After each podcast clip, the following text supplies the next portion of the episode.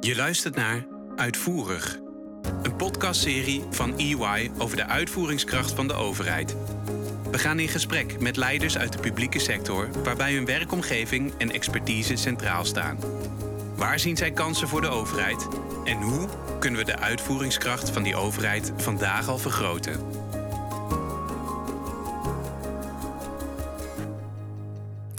Ja, en welkom.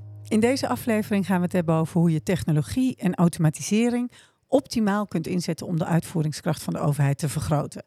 Dat doen we met EY-expert Beate van Dongen. Zij gaat daarover in gesprek met Abdeloueb Shoho, directeur van de Rijksdienst voor Ondernemend Nederland, RVO. Welkom beiden.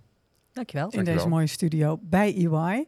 Ehm, we willen jullie even goed voorstellen aan de luisteraars, dus dat hebben we gewoon alvast opgenomen. Luister even mee. Beate is partner binnen EY en expert op het gebied van klantgerichte transformaties. Ze startte haar carrière bij het Financieel Dagblad, om daarna als consultant aan de slag te gaan binnen VODW, dat in 2018 werd overgenomen door EY. Inmiddels heeft Beate ruim 25 jaar ervaring in klantgericht maken en digitaal transformeren van organisaties. Daarbij vormt de klant, ook als dit burgers en bedrijven zijn, altijd het vertrekpunt. Vanuit dit vakgebied heeft ze gewerkt voor organisaties met vaak veel klanten en complexe structuren. Nationaal en internationaal en in verschillende branches, waaronder de overheid. Ook is ze auteur van Sex Cells, Seks met een C. Een internationaal managementboek op het gebied van customer experience. Ja, en wat is SEC dan? Of seks? Um, het staat voor Customer Experience, hè, dus de totale beleving die je creëert voor, uh, voor de klant. Die C is van customer. Customer. Ja, dat we dat Zeker. even helemaal helder hebben. Ja. We gaan ook aan jullie voorstellen Abdeloueb Shoho. Abdeloueb Shoho is algemeen directeur van RVO, de Rijksdienst voor Ondernemend Nederland. Hiervoor was hij onder andere wethouder in Amsterdam en voorzitter van de Raad van Bestuur van Vluchtelingenwerk Nederland. Abdeloueb Shoho is ook actief als voorzitter van de Staat van de Uitvoering, een periodieke publicatie van uitvoeringsorganisaties om knelpunten in de publieke dienstverlening te analyseren en agenderen. In beide rollen maakt hij zich sterk voor het vergroten en verbeteren van de uitvoeringskracht. Om burgers en ondernemers beter van dienst te kunnen zijn en om meer impact te maken op de transities waar Nederland voor staat. Ja, Beate, Abdeloueb. Eh, Kennen jullie elkaar al? Hebben jullie elkaar eerder ontmoet, behalve die tien minuten net hier van tevoren? Nee. Nee, helaas niet. Het Nee. is een mooie bijvangst van deze podcast. Mooie bijvangst, ja. Nou, zeker. Eh, ja, we gaan dus, we hebben het natuurlijk over die uitvoeringskracht van de overheid. Beate heeft daar in een eerdere aflevering ook al over gesproken. Vandaag duiken we dieper in technologie. Um, Abdeloueb, één vraag nog. Jij, jij komt ook uit de politiek, hè? dat is ook je achtergrond. Nu zit je, zit je meer in die, ja, hoe zou je deze rol noemen? Een dienende rol, maar dat is voor een Ik politicus ben ook. ambtenaar, dus dat is Ja. heel anders dan politicus Ja. zijn. Ja. Ja, allebei even leuk. Zien we je ooit nog teruggaan naar die politiek? Of zeg je nee, dit is echt wel mijn plek? Het is heel anders, dus eh, ik vind het niet vergelijkbaar. Je zit gewoon in een andere rol. Eh, het helpt wel heel erg dat ik ook de politieke kant eh, ken, eh, nu ik aan deze kant als ambtenaar werk. Want dan snap je waarom het soms zo moeilijk is. Ja, ik vind het altijd goed dat je ook de andere kant van de tafel begrijpt, om het maar even zo te zeggen. En dat, dat, dat begrijp ik nu beter ook in deze rol.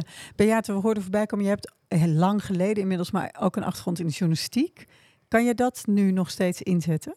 Nou, ik heb niet eh, direct een, eh, een achtergrond in de journalistiek. Ik werkte bij het Financieel Dagblad aan de eerste digitale krant. Ah, Dus eigenlijk was Helemaal dat in lijn eh, met wat je nu doet. technologie, maar wel, nou ja, bij een krant. Dus eh, uitdagend in eh, 1995 was dat. oké, nou dat is echt lang geleden. Maar geef maar aan hoe lang die ervaring dan al is. We hebben in deze podcast een aantal vaste elementen. We beginnen zo meteen met drie vragen, vaste vragen, die in elke aflevering eh, terugkomen. Dus dan kunnen we ze ook leuk naast elkaar leggen.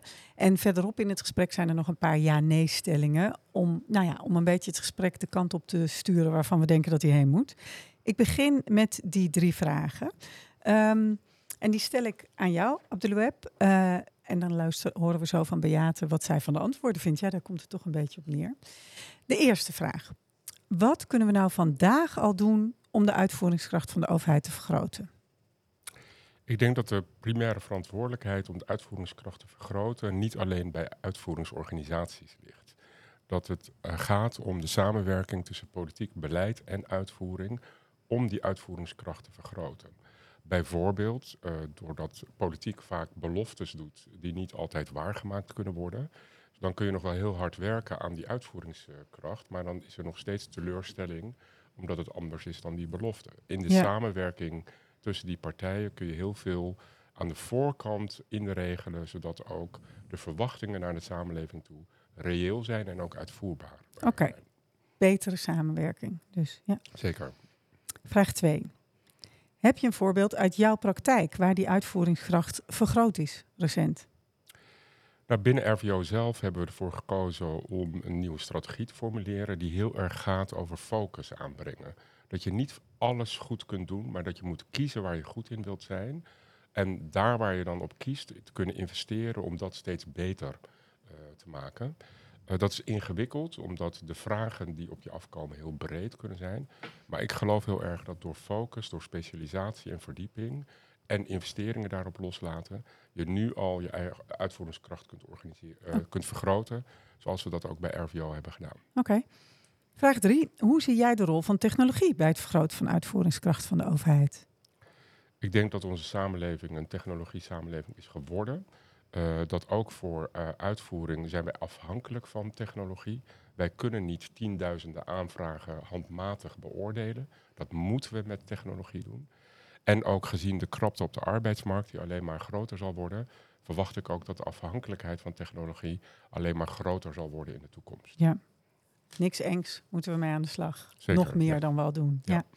Nou, Beate, laten we even teruggaan naar vraag 1. Hè. Wat kunnen we nou vandaag al doen? Veel beter samenwerken. Ja, daar ben ik het helemaal mee eens. Uh, ik denk dat veel te vaak uh, ergens iets besloten wordt in politiek uh, en, en wordt of vertaald naar beleid, wat ontzettend lastig is voor de uitvoering om dat uit te voeren.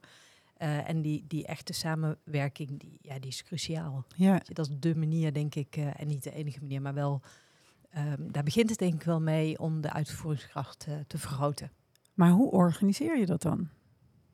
Ja, ik denk dat we de afstand tussen bijvoorbeeld politiek en uitvoering te groot hebben gemaakt. Uh, en dat we dus veel dichter op elkaar moeten gaan zitten. En dus de uh, interactie tussen de verschillende samenwerkende partners, dat die uh, groter kan worden. Door elkaar gewoon meer op te zoeken. Even een paar voorbeelden, want het wordt natuurlijk op zoveel vlek, plekken zit uitvoering. Wat, waar, geef eens een paar voorbeelden. Welke heb je nu in je hoofd als je zegt het zit te ver uit elkaar?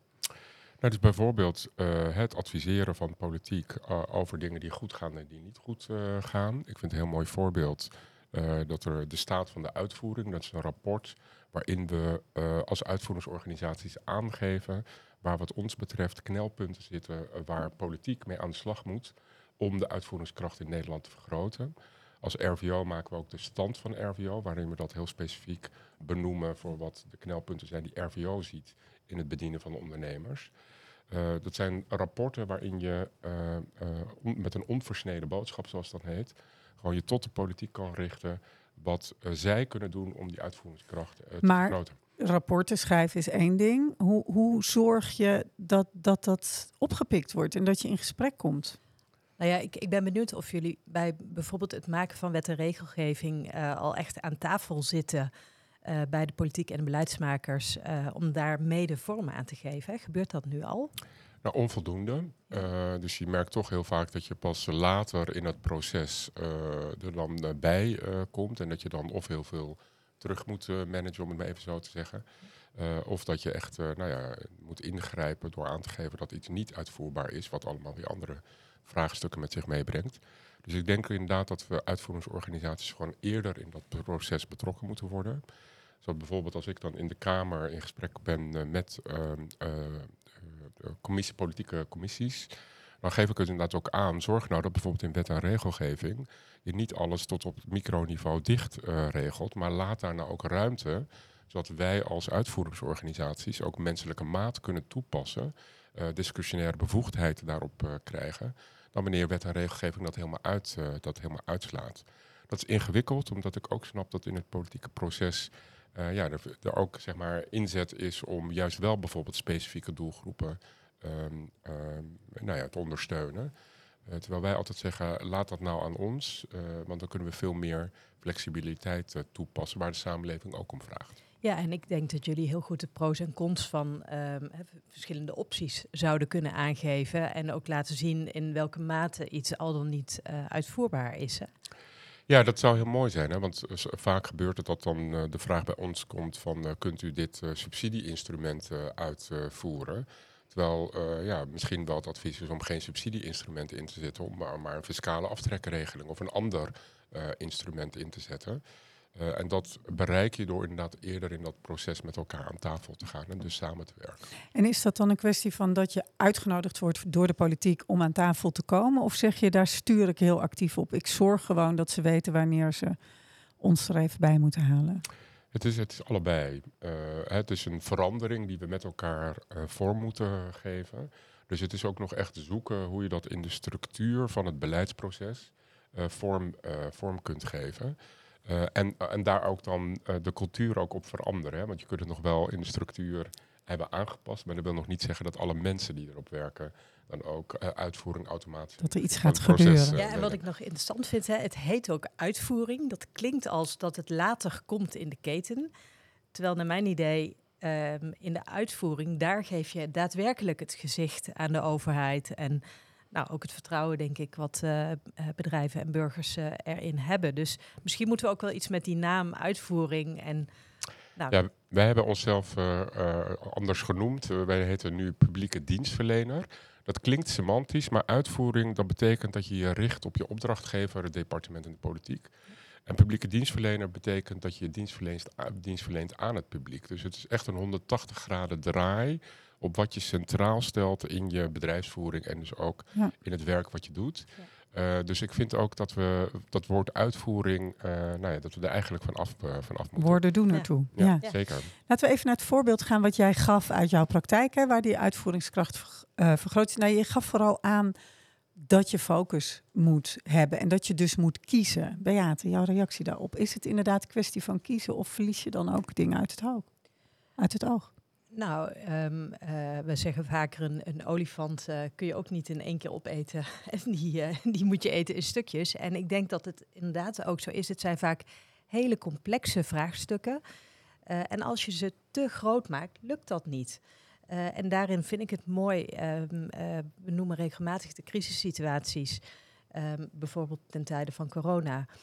dat er een in één keer veel uitvoeringskracht is ontstaan. En ik denk een van de succesfactoren daarin is dat de trajecten gedefinieerd zijn met een hele duidelijke kop en staart. Uh, dus dat je het behapbaarder maakt. En dat, dat is niet de enige succesfactor naar mijn idee daarvan. Maar uh, ik denk wel dat dat nou, het durven ja. kiezen, hè, de, een duidelijke kop en een staart, dat dat absoluut helpt in die. Uh, We die duiken dadelijk ook nog wat dieper in die voorbeelden uit die crisissituatie, want daar hebben jullie er ook een paar van en de lessen die we kunnen trekken. Ik ga je even vragen, kan je hem nog concreter maken? Want je zegt, je doet dat door focus aan te brengen. Maar waar hebben jullie dat dan recent gedaan? Wat voor keuzes hebben jullie gemaakt waar je nu aan ziet, dan gaat die uitvoeringskracht ook omhoog? Nou, dus uh, eh, RVO heeft binnen de Haagse wereld een hele goede reputatie. En dat betekende dat wij uh, steeds meer opdrachten uh, kregen van verschillende departementen. Mm -hmm. en onder andere ook steeds meer opdrachten die gericht waren op burgers. Terwijl wij de Rijksdienst voor Ondernemend Nederland zijn en onze primaire expertise gericht is op ondernemers. En ik ben ervan overtuigd dat burgers een andere dienstverlening vragen en ook nodig hebben dan um, dienstverlening aan ondernemers. Dus we hebben de keuze gemaakt om geen opdrachten meer te accepteren die gericht zijn op burgers, omdat het ook ander, andere investeringen vraagt. Ja. En doordat we die focus hebben aangebracht, uh, zijn ook de mensen die daarop werken, geef je focus op waar ze zich op moeten richten, in plaats van dat je die groep gewoon te breed ja. uh, houdt. En wat doen jullie nu dus niet meer? Nou, dus nieuwe opdrachten die gericht ja, maar zijn op burgers. Wat deden jullie eerst wel? Waar, waar heb je nee tegen gezegd, heel specifiek? Ja. Nou, dat, dat, of is dat dus te gedetailleerd? Wij, wij, werken voor negen verschillende ministeries. Dus ja. het zijn allerlei opdrachten die dan uh, bijvoorbeeld over uh, burgers gaan. Het ondersteunen van burgers in de aanschaf van uh, nou, bijvoorbeeld elektrische mobiliteit.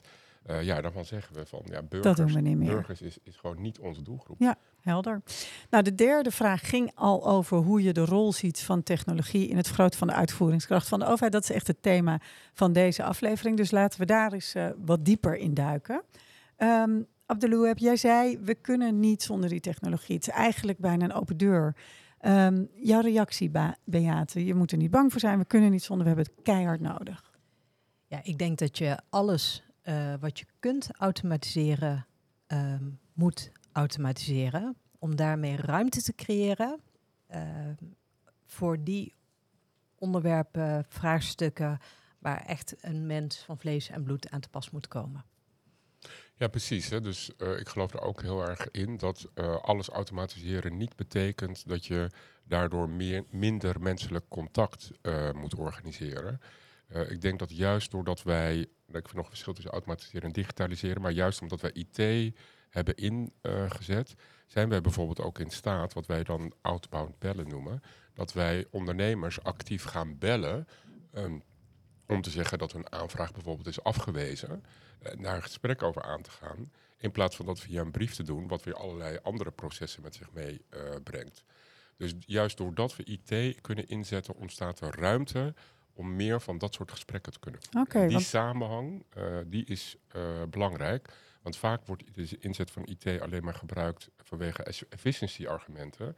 En dat vind ik te smal. Het gaat ook over dat IT kwaliteit mogelijk eh, maakt. Oké, ik wilde, want dit gesprek onder meer aanslingelen met een aantal stellingen. En, en volgens mij weet ik het antwoord nu op de eerste. De vraag, moet je alles wat geautomatiseerd kan worden ook echt automatiseren? En jouw antwoord is dus, Ja, dat- ja, omdat het ruimte creëert om andere dingen te kunnen doen. ja, maar niet alles wat je kan automatiseren dus. Want, want ik hoor je ook zeggen, nee, dat moet je niet altijd doen. Want soms moet je gewoon gaan bellen en moet je niet die geautomatiseerde brief versturen. Nee, als- zo, ja, dan is het antwoord genuanceerder dan een ja-nee antwoord. Ja, ik geloof dat je altijd moet inzetten op de inzet van IT. Ja? Eh, maar eh, er is nog steeds ook menselijk contact eh, nodig, wat ondersteunend is aan nou, hogere kwaliteit richting je doelgroep.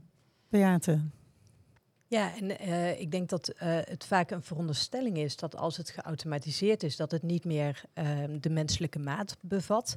Eh, en dat zou ik echt willen weerleggen, want ik denk juist ook geautomatiseerd contact kan ook heel persoonlijk zijn. Hè? En daar kun je ook nou, persona's, en dat kunnen ook hè, persona's voor bedrijven bijvoorbeeld zijn, creëren op basis waarvan je maatwerk dienstverlening inricht wat eigenlijk gestandaardiseerd maatwerk is, maar ook echt wel een, nou, een gevoel van persoonlijkheid en, en nou, echt de mens- menselijke maat uh, weer. Misschien voor die enkeling die niet begrijpt hoe dat werkt via personas. Hoe, hoe, hoe, hoe, doe je dat dan? Nou, in feite kijk je op wie richt ik me met bijvoorbeeld een bepaalde regeling in het geval van eh, RVO. Ehm, nou, dat kunnen allerlei soorten bedrijven zijn. Wat voor een clustertjes van bedrijven kan ik daar dan in definiëren die eenzelfde type behoefte hebben? En hoe kan ik daar dan uh, mijn interactie mee vormgeven met die clustertjes van Ja, bedrijven? en dan duik je dus ook echt even in die personen, in die bedrijven en wat er in hun hoofd gebeurt en wat zij nodig Ja, ik ben hebben. het helemaal eens hoor met Beate, maar een voorbeeld waarop wij dat bijvoorbeeld wel eh, dat menselijk contact hebben gezocht is toen bij de TVL, de crisisregeling in het ka- kader van corona, moesten mensen ook gaan terugbetalen. Ja, en dan krijg je ineens een brief op de mat dat je 10.000 euro moet uh, terugbetalen. Uh, en de ervaring is dat dat dus heel veel gevolgacties oplevert van heen en weer bellen en, uh, en juridische acties. Terwijl door vanaf het begin dan toch te gaan bellen van, goh, slechte boodschap, uh, 10.000 euro, maar we hebben terugbetalingsregelingen en we gaan daar maatwerk van maken. Zorg je dat, er, dat het veel efficiënter is uh, dan wanneer je dat via een brief uh, hebt. en dan is het daarmee eigenlijk dus toch een efficiency-overweging. Hè? Je zegt als we vroeg contact zoeken, dan alles bij elkaar maar zijn we minder tijd kwijt. Hè? Dus het is een slechte boodschap en tegelijkertijd de waardering van die ondernemer dat je gebeld hebt ja. om er een gesprek over te voeren. Is, hoog, is hoger. Hè? Dus het is. Ja. ja, het is allebei, maar ik kan me nog voorstellen dat het dan ingewikkeld wordt, waarbij het echt efficiëntie kost. Dat het gewoon meer tijd kost, omdat en maar wel meer kwaliteit oplevert. Is er ook ruimte voor die keus? Nou, kijk, uh, zeg maar, IT-processen aan zich zijn heel kostbaar, kosten heel veel, uh, heel veel tijd. En ja, dat kan leiden tot efficiëntie, maar niet altijd. Ik, ik ben geen voorstander van IT-processen per definitie inzetten om efficiëntie te bereiken. Dat kan één van de doelstellingen Je moet zijn. altijd die kwaliteit meenemen. Ja, maar ik de denk dat het ook altijd een balans moet zijn. Hè. Tussen aan de ene kant uh, heb je natuurlijk een efficiency-doelstelling. Uh, en zeker ook vanuit uh, een uitvoeringsorganisatie. Weet je, is het ook gemeenschapsgeld waar we het over hebben. Ehm, maar aan de andere kant willen we juist ook klantgericht zijn. En die moeten altijd in balans zijn. Ja. Jij noemde net ook krapte even op die arbeidsmarkt. Je, je hebt het gewoon nodig. Dat is ook efficiëntie, innovatie. We, we- we- zien we een versnelling, Beate, dat, dat door die krapte er nu meer ruimte is bij bedrijven om te zeggen, ja, we moeten er toch op door gaan pakken? Ehm, dus, de- de- er het is moeilijk. voor- Nou, de, eh, de krapte op de arbeidsmarkt maakt gewoon dat er oplossingen bedacht moeten worden in de vorm van technologie om het werk nog gedaan te krijgen. Is, merk jij dat Ja, nee, bedrijven... ik denk juist dat er ook krapte is ehm, in de technologische skills Ja, ja, voor mensen. Dus, dus dat gaat hè, dus- tegelijkertijd. Ja, dus ik denk eh, dat, dat daar juist ook een, een uitdaging zit eh, om die mensen aan te kunnen trekken die heel goed zijn met technologie, maar ook juist met het toepassen van weer van de menselijke mate in die technologie. Ja. Eh, dus dat is denk ik nog steeds, maar dat kun jij denk ik beter zeggen hoe dat binnen RVO is. Maar ik denk dat er nog steeds een uitdaging is om de juiste competenties en skills ook voor dit stuk in de organisatie te hebben. Ja, dat klopt. Hè. Dus ook de IT-capaciteit, arbeidsmarkt is schaars. Ja. Eh, dus ook dat is een uitdaging. En tegelijkertijd eh, is die nodig om de algemene arbeidsmarktschaarste op te lossen. Ehm, eh, voorbeelden van wat wij doen is dat eh, duizend aanvragen die gaan over zonnepanelen. die proberen we te clusteren via digitaliseringsprocessen. Zodat één persoon eh honderd aanvragen tegelijkertijd eh, kan beoordelen. In plaats van eh, hè, dat hij per stuk ze moet beoordelen. Nou, we zullen steeds minder beoordelaars kunnen vinden, omdat Ja. de arbeidsmarkt krapter is. Dus we moeten naar nieuwe IT-toepassingen, AI-toepassingen bijvoorbeeld, om te gaan zoeken hoe we met minder mensen en meer IT toch dezelfde kwaliteit kunnen realiseren. Hoe actief zijn jullie met AI? We zijn het allemaal aan het onderzoeken. Ik denk dat iedereen dat aan het onderzoeken is. Dus ook wij zijn dat aan het onderzoeken wat voor mogelijkheden. Ja, wat spannend hè. Beate, dat AI. Ontzettend. En eh, het, het biedt enorm veel mogelijkheden. En tegelijkertijd moet je er natuurlijk op een eh, nou, hele verstandige manier mee omgaan. Ja. Ja. Eh, en daarom vind ik het heel mooi dat, eh, dat zie ik überhaupt in de breedte in de publieke sector, dat men het echt aan het onderzoeken is. Ehm, en het biedt heel veel kansen, maar we moeten het wel op, een, eh, op de juiste manier doen. Oké. Ja, en helemaal als overheid hè, vind ik Ja. dat je daar nog een extra verantwoordelijkheid in hebt. Dus het, dus het is voorzichtig onderzoeken. Voorzichtig onderzoeken. Ehm, we gaan naar eh, de volgende ja-nee-vraag. Dus graag een simpel antwoord. Lessen uit crisissituaties moeten meer worden meegenomen naar de day-to-day business. Ja, Ja, hij kwam net al een beetje voorbij. Welke lessen, of laten we even teruggaan. Over welke crisis hebben we het als, het als we het over RVO hebben? Waar, waar hebben jullie echt laten zien wat je allemaal wel niet kan? Waar we misschien lessen uit kunnen trekken? nou, we hebben in de coronatijd hebben we de TVL, de tegemoetkoming vaste lasten voor ondernemers, eh, uitgevoerd. Eh, vorig jaar bij de energiecrisis hebben we de tegemoetkoming energiekosten voor eh, MKB-bedrijven uitgevoerd. Waterschade in Limburg eh, Ja. voeren, wij, eh, voeren wij uit. Allemaal voorbeelden van dingen die echt snel neergezet moeten worden. Ja, Ja. en ik denk dat de les dan is, omdat het eh, in heel korte tijd moet worden neergezet. wat gebeurt er dan, is dat politiek en beleid en uitvoering, waar ik eerder aan refereerde, dat die samen in één kamer gaan zitten en met elkaar eh, ehm, het vraagstuk proberen op te lossen. Dus er is directe interactie tussen die drie eh, entiteiten. Eh, waardoor je heel snel eh, tot besluitvorming en dus ook tot vertaling van die besluitvorming in een regeling eh, kunt komen. En dat samen in één kamer zitten, dat is natuurlijk wel de meest simpele vorm van samenwerking. Doordat je dat echt in één ruimte gaat doen. Dat zouden we wat mij betreft als les uit die crisiservaring Ja. moeten nemen. En dat over moeten brengen naar de dagelijkse praktijk. En dat is in een crisissituatie heel logisch. Dan snapt iedereen meteen, ja, we moeten nu bij elkaar, want het moet snel. Maar Beate, hoe krijg je die sense of urgency nou ja, in de dagelijkse praktijk? Nou, ik zou er sowieso iets aan willen toevoegen. Hè? Want ik ben het helemaal mee eens dat bij het vaststellen van wat willen we nou eigenlijk gaan doen, die drie partijen bij elkaar moeten zitten. Vervolgens moet de uitvoeringsorganisatie er wel daadwerkelijk mee aan de slag.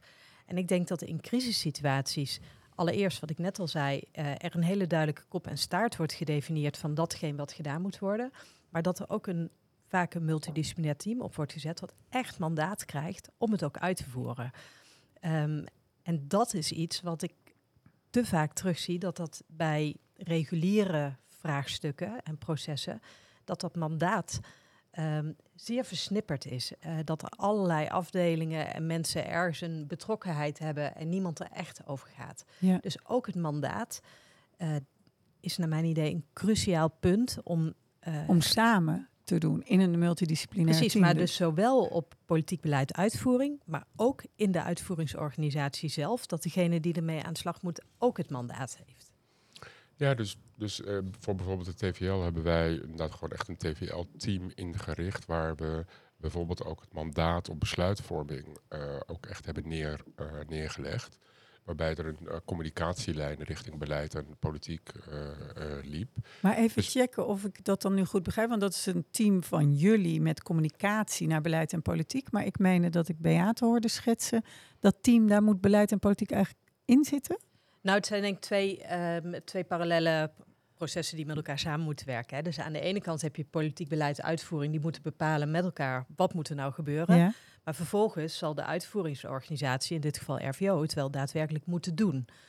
Um, in die uitvoeringsorganisatie, daar wil je ook helder mandaat neerleggen bij een groep mensen, dat ook zij uh, nou, okay. doelgericht aan de slag kunnen. Ja. En hoe is dan nog die communicatie met beleid en politiek? Of zeg je, die heb je dan, als dat allemaal helder geregeld is, heb je dat eigenlijk niet meer nodig? Dan kan je aan de slag. Nee, dus, dus het is heel belangrijk aan de voorkant om dat mandaat te Ja. regelen. Dus de discussionaire bevoegdheid waar ik het eerder over had. Zodat je ook echt als uitvoeringsorganisatie weet wat je ruimte is om Ja. snel zeg maar, dat eh, te, kunnen, eh, te kunnen doen.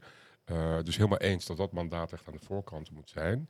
Eh, in de ervaringen die wij hebben, eh, wordt dat ook altijd aan de voorkant dan eh, goed geregeld. Zodat Bij die we ook die- crisis, ja. dat we ook dat mandaat ervaren.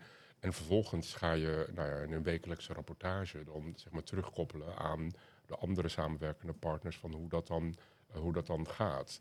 Ehm, ik denk dat de ervaring die wij dan vooral hadden, is dat bijvoorbeeld als je naar de TVL kijkt, dat dat begon als een heel eenvoudige regeling. Maar Mhm. omdat die coronaperiode helaas zo lang duurde, dat de politieke discussie daar heel actief over bleef.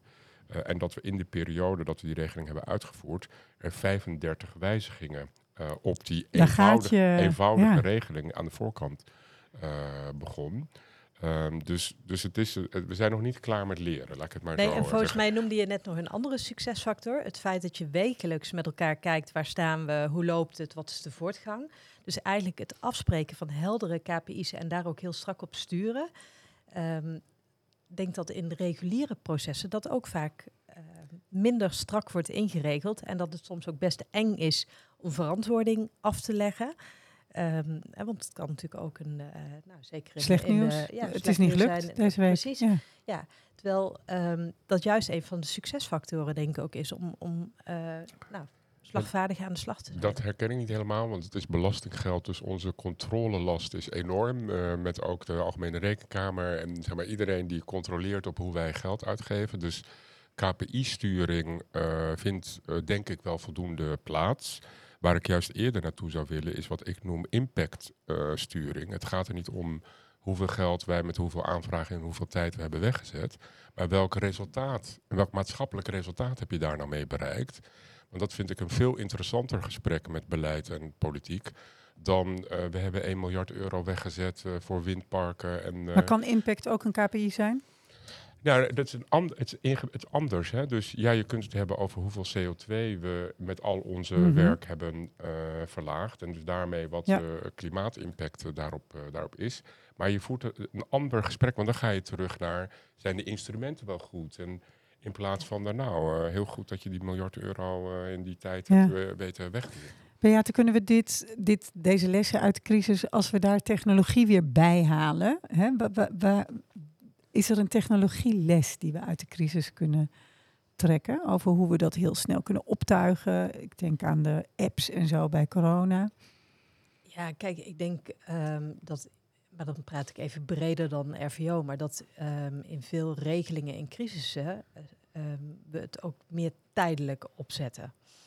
Ehm, dat is natuurlijk niet altijd houdbaar naar de toekomst. Hè. Dus soms moet dan wel degelijk naar de toekomst nog iets definitief gekoppeld worden aan het systeem. Maar wederom Ja. zou je daar wel de conclusie aan kunnen verbinden, eh, het ook weer klein en behapbaar maken. Ehm, Ja. Dat helpt. Oké. Nou, de crisisregeling hebben ons bijvoorbeeld wel geholpen in, ehm, laat ik zeggen, onze technologieplatformen. En de vraag die dat eh, stelde, omdat we dat eh, nou, sneller hebben ontwikkeld. Hè. Dus Ja. ook het doorlooptijd van zo'n eh, IT-proces Mhm. eh, is ook in die crisis eh, nou ja, compacter eh, geworden.